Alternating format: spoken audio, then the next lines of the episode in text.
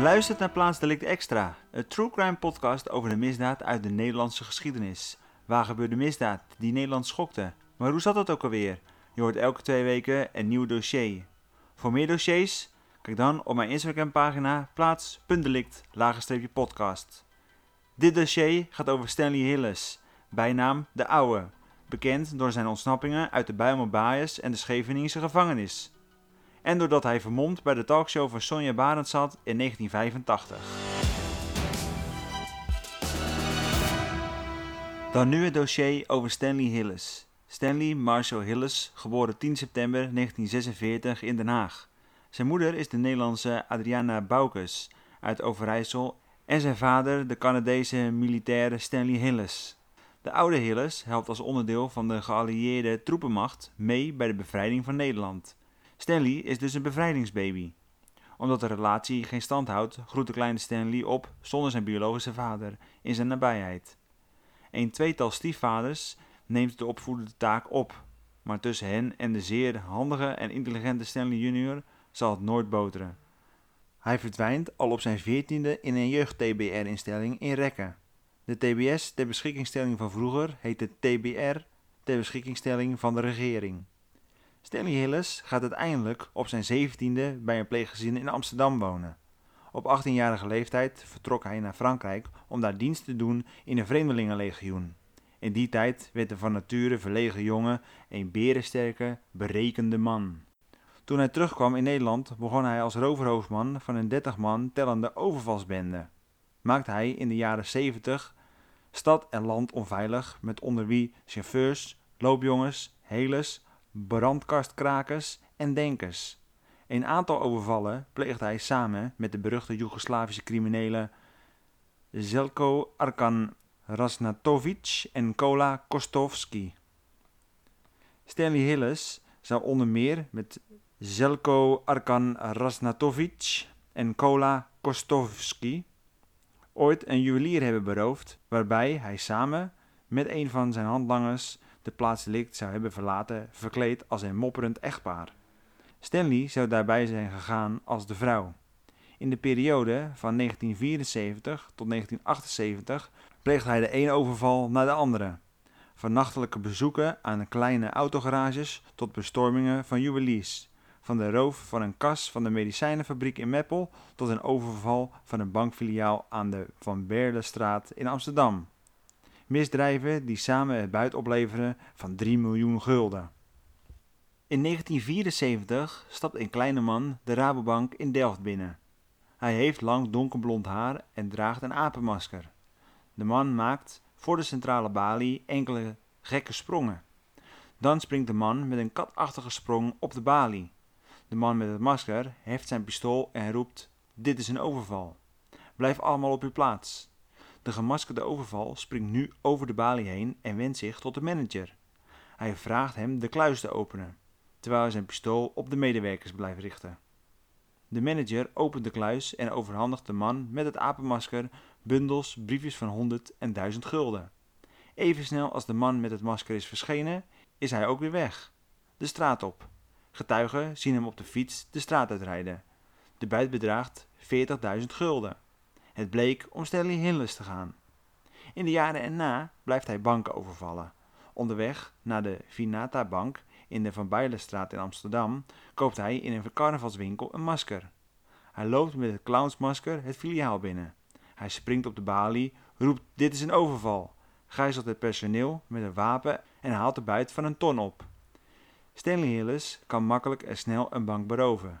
Kenmerkend voor de Haagse bankrover is dat hij naast het grote werk ook graag toeslaat in kleine gemeenten, zoals bijvoorbeeld Ermelo, Putten, Muiden, Uithoorn en Hardenberg. Stanley Hillis maakt ook gebruik van een foefje, een spray waarmee telefoons onklaar kunnen worden gemaakt. Zodra hij ergens als overvaller arriveert, spuit hij communicatieapparatuur onder met het spul. Maar heel langzaamaan, na vier wilde jaren van overvallen, begint het net zich te sluiten rondom hem en zijn bende. In de nacht van 26 mei 1978 vindt een grote overval plaats bij een juwelierszaak in het Ibis Hotel bij Schiphol, waar Stanley Hillis met zijn bende een ton aan juwelen meegerist. De actie is gecoördineerd met een aantal Porsches. Diezelfde week pleegt de bende een overval op de Amsterdamse juwelier Joop Valkenek en dienstvrouw in de rivierenbuurt, waarbij de hond van de eigenaar wordt doodgeschoten en 25.000 gulden wordt meegenomen. Stanley Hillis zag Joop Valkenek als een verrader, iemand die tegen de politie praatte over zijn roversbende. Vandaar het stelen van de juwelen en het doden van de hond, als een waarschuwing dat Joop Valkenek zijn mond verder moest houden. De politie pakt Stanley Hillis op in Weesp, nadat anderen uit zijn roversbende zijn opgepakt. Justitie stelt een aanklacht tegen hem op met daarin 12 overvallen en 34 inbraken. Hij bekent meteen een aantal delicten. Stanley Hillis heeft dan geen officieel vaste woon- of verblijfplaats, is niet getrouwd. Uit onderzoek is gebleken dat er bij hem een psychische trauma is geconstateerd en dat hij daarom als enigszins verminderd toerekeningsvatbaar moet worden beschouwd. Het Openbaar Ministerie besluit Stanley Hillis niet voor alle zaken die hem aangerekend worden te vervolgen, maar voegt wel een lijst toe aan de aanklacht waarop alle verdenkingen staan vermeld. Een hele lange lijst, met berovingen en inbraken in alle uithoeken van het land. De bankrover krijgt zeven jaar gevangenisstraf opgelegd, en vonnis wat later twee jaar in mindering zou worden gebracht, bij een hoger beroep dat in 1979 aan de gerechtshof van Amsterdam loopt. Als de Amsterdamse politie die bende heeft opgerold, verklaart de hoofdcommissaris dat het misdaadcijfer rond de hoofdstad door die aanhoudingen met 60% is gedaald. Op 4 december 1979 een Marokkaanse man laat om twee uur s'nachts een taxi voorkomen in Amsterdam-West. En geeft de chauffeur de opdracht hem naar de Bijlmer te rijden. Na afloop van de rit bedreigt de passagier zijn chauffeur en vraagt om zijn geld. De chauffeur overhandigt hem angstig zijn dagpot, waarna de overvaller het geld weggrist, uitstapt en via de bestuurdersdeur de chauffeur maand uit te stappen. Daarna stapt de overvaller zelf in en rijdt weg. De overvaller parkeert de wagen enkele tientallen meters verderop, in de berm, bij de Griphoevenflat, en neemt de benen. Op het Rembrandtplein wordt hij ingerekend. De taxichauffeur maakt melding van de overval in de Bijlmer, waarna de politie in actie komt. Een brigadier, Peter Priem, ontdekt de gestolen taxi en houdt wacht tot de sleepwagen komt. De taxichauffeur heeft inmiddels gezelschap gekregen van een vrouwelijke collega. Samen zitten ze in haar taxi, niet ver van de plek waar de agent staat te posten. Dan komt via een braakliggend stuk woonwijk een Mercedes aangereden. In de wagen zitten Stanley Hillis en ene Roy Mulder. Het tweetal wordt gezocht omdat ze sinds de zomer van 1979 ontsnapt zijn uit de Scheveningse gevangenis. De brigadier die staat te posten houdt de wagen staande, vraagt hun raam te openen en inspecteert de papieren. Hij controleert ook nog even de kenteken. De wagen is twee weken ervoor gestolen. Stanley Hillis en Roy Mulder scheuren weg, want ze voelen de buil hangen. Tijdens het wegrijden schiet de brigadier een van de banden lek. Ze schrikken allebei, stappen daarom uit. Ze rennen naar de taxi waar de eerder die avond overvallen chauffeur met zijn collega in zit en openen de portieren. Stanley Hillis drukt de vrouwelijke passagier een stengun in haar maag en roept: Dit is Menes, wegwezen hier. Roy Mulder duwt de andere passagier weg en neemt ook plaats in de taxi. De brigadier, die dit allemaal vanuit de verte ziet, schiet nogmaals een waarschuwingsschot in de lucht om de overvallers tegen te houden. Stanley Hillis en Roy Mulder schrikken en grijpen beide naar hun wapens in hun broeksband en leggen aan. Er ontstaat een heftig vuurgevecht tussen de brigadier en de twee gangsters in de taxi, waarbij over en weer veertig schoten worden gelost. Opmerkelijk, geen enkele van deze schoten is afkomstig van Stanley Hillis. Zijn stengun weigert. Roy Mulder schiet er flink op los en raakt de brigadier in zijn knieschijf. Hierna rijden Stanley Hillis en Roy Mulder met een rotgang weg in de overvallen taxi.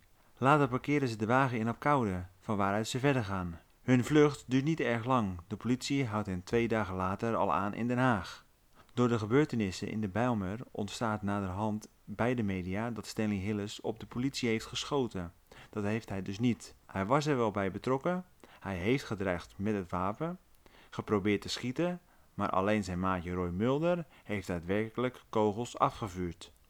Hij komt weer in de Scheveningse gevangenis terecht op de afdeling voor de zwaarste en meest vluchtgevaarlijke criminelen. Zo zit hij gedurende de vroege jaren 80 lang vast op de beruchte B-afdeling van de gevangenis in Scheveningen. Later zal hij vast komen te zitten in de Schutterwei in Alkmaar, de Bijlmerbaaiers in Amsterdam en daarna weer een lange poos in Scheveningen. Stanley Hilles zit inmiddels op de C-afdeling van de gevangenis in Scheveningen. Het is dan augustus 1981 als een andere crimineel om half negen ochtends een boekbindermes op de keel van een werkmeester zet. Onder leiding van Stanley Hilles forceerden vervolgens drie man de tralies van hun afdeling met hulp van gestolen zagen, boren en schaven uit de arbeidscenter, waar dagelijks arbeidstherapie wordt verricht. De gevluchte gedetineerden wringen zich door de ontstane gat, rennen over de binnenplaats en klimmen uiteindelijk over de gevangenismuur naar de pompstationweg, waar ze in een gereedstaande auto springen en wegrijden. Ook tijdens rechtszaken zit justitie soms vluchtgevaar. Bij een zitting in 1983 moet Stanley Hillis daarom voorkomen met een stok tegen het been, zodat hij niet in staat was er vandoor te gaan. Hij heeft een reputatie opgebouwd als meesteruitbreker. Stanley Hillis ontsnapt twee keer uit de Scheveningse strafgevangenis en in juni 1984 neemt hij de benen uit de Schutterswei in Alkmaar. Hij zet samen met een aantal Molukkers een nieuwe operatie op. Zijn kameraden hebben de opdracht de muren van de gevangenis van een likje verf te voorzien. Tijdens die verfbeurt schaven ze ongeziene kleine groeven in de wand. Een paar dagen later loopt Stanley Hillis tijdens het luchten naar de net geschilderde gevangenismuur om het verfwerk te inspecteren. Na die inspectie stapt hij enkele passen terug en rent plots opnieuw naar de muur van het terrein. Hij zet zijn handen tegen de wand en klimt katachtig via de door zijn vrienden aangebrachte groeven naar boven. Bewakers en andere gedetineerden staan verbaasd te kijken. Enkele gevangenismedewerkers rennen via de uitgang naar de plek waar Stanley Hillis over de vijf meter hoge muur weer naar beneden zal komen. Hij zendt de vlug af, springt in een bruine personenauto en gaat voor de zoveelste maal de vrijheid tegemoet.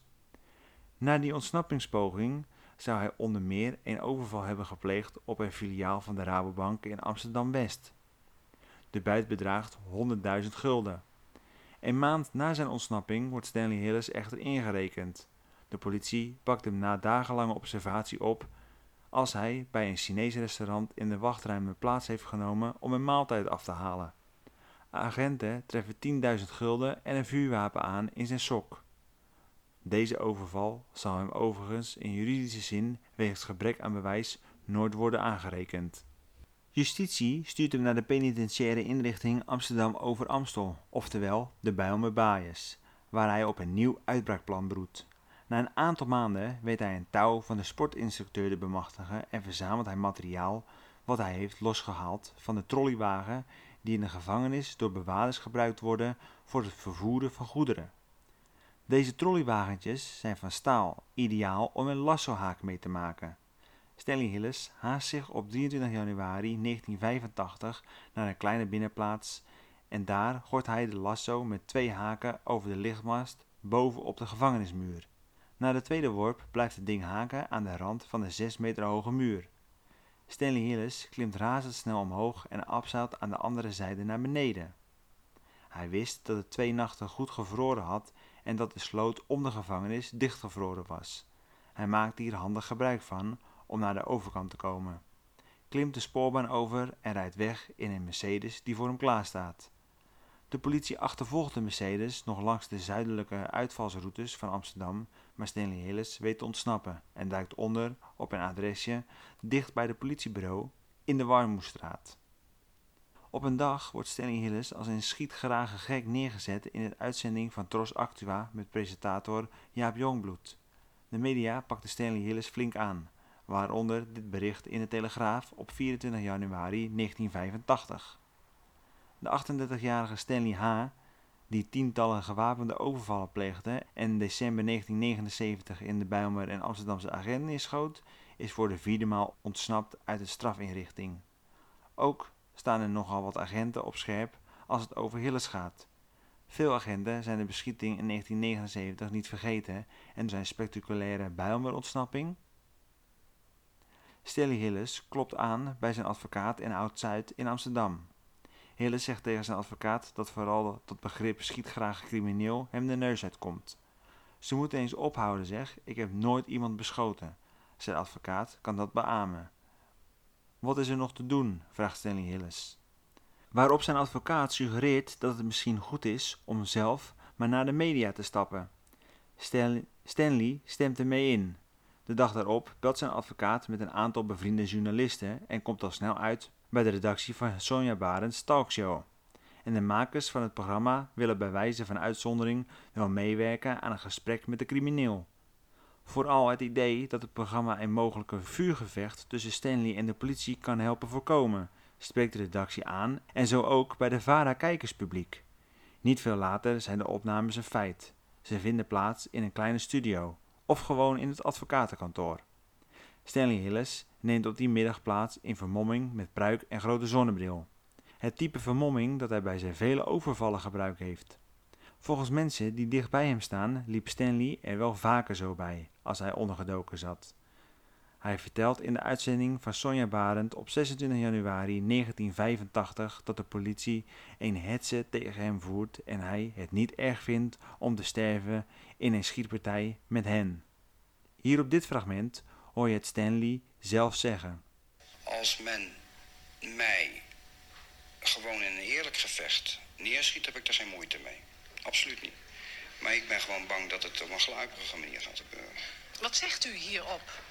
Ik zeg erop dat ik het uitermate triest vind dat dit op de Nederlandse tv wordt vertoond. Ik vind het uh, zelfs betreurenswaardig. In de studio zat politiewoordvoerder Klaas Wilting. Hij ontplofte bijna van woede. Als Stanley Hillis zo bang was voor geweld tijdens een onverwachte arrestatie, kon hij zich toch gewoon met zijn advocaat bij een politiebureau melden. Een paar weken later herkenden twee agenten Stanley Hillis op een terras zitten.